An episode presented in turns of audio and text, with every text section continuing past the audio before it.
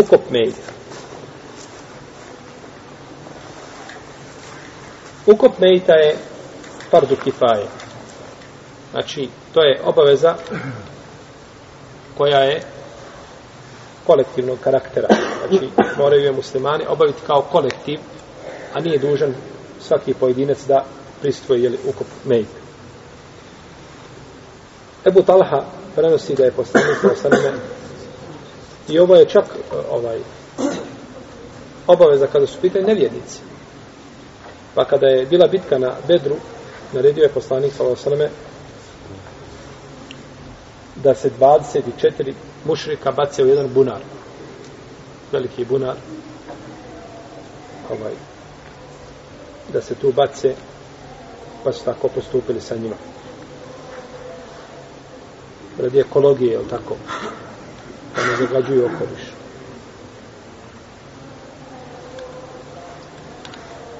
Pa su bačeni, pa je poslanik sa obraćao im se. Jeste li, kaže, našli da je istina ono što mi vaš gospodar obraćao? Kazni. Pa kaže Omer, Allaho poslaniće, kako se obraćaš mrtvim? Oni ne čuju, kaže Omer, oni ništa bolje ne čuju, on, on su ti ništa bolje ne čuješ od njih. Pa je uzvišen Allah u tom momentu im vratio šta dušu, da čuju riječi poslanika sa i da se obistini ovaj, ono što su čime im se, čime im se prijetilo. I rekao je poslanik sa osram Ali, kaže, idi i ukopaj koga? Ebu Taliba. Yes. Neće se musliman ukopati sa nevjernikom ove zemlje. Neće se ukopati nevjernik sa muslimanom. Znači, to je strogo zabranjeno.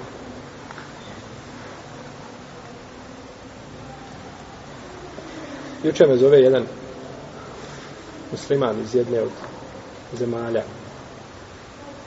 Naši gdje žive muslimani. Pa kaže, ovdje kod nas, kaže, čovjek je bio musliman i otišao u Jahve Sedok i tako preselio. I nakon toga kad je umro, ljudi ga ukopali u muslimanskom mezaju. Iz nekakvog merhameta. Merhameta nekakvog on otišao u kufor. I poziva u nevjerstvo ljude i nakon toga kada umre muslimani ga ukopaju u muslimanskom mezaru. To je zabranjeno, to je haram po konsensusu leme. Nikada niko nije kazao da je nevjernika dozvoljeno zakopati u muslimanskom mezaru. A ovaj je bio najpreči da ne bude ukopan u muslimanskom mezaru zato što on gori u svome nevjerstvu od drugih nevjernika. Zato što on bio musliman, pa ako je bio musliman, jel? pa učinio riddet ili otpadništvo a otpadništvo o, je gore nego da je čovjek u osnovi bio nevjernik. Jer si spoznao istinu i znao istinu i odmetnuo sad istinu. Pa je haram znači da se ukopava i to je poznato davnih jednog vremena, od poslanika sa zemlje danas, da imate mezari za muslimani i mezari za nevjernike. Tako da nije dozvan znači ukopavanje jednih u mezara drugih. Sunnet je dakle da se muslimani ukopavaju u mezarja i o, o tome imaju znači mutevatir predaje da je od vremena poslanika sa osrame do danas da se ljudi ukopavaju u mezarja i nije prenešeno da se iko ukopava mimo mezarja.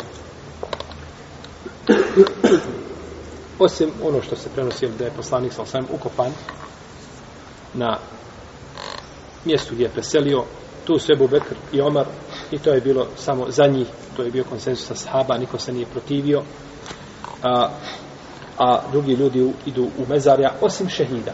Šehidi koji presele, oni se ukopavaju tamo gdje su preselili. Na mjestu gdje su preselili, tu se ukopavaju,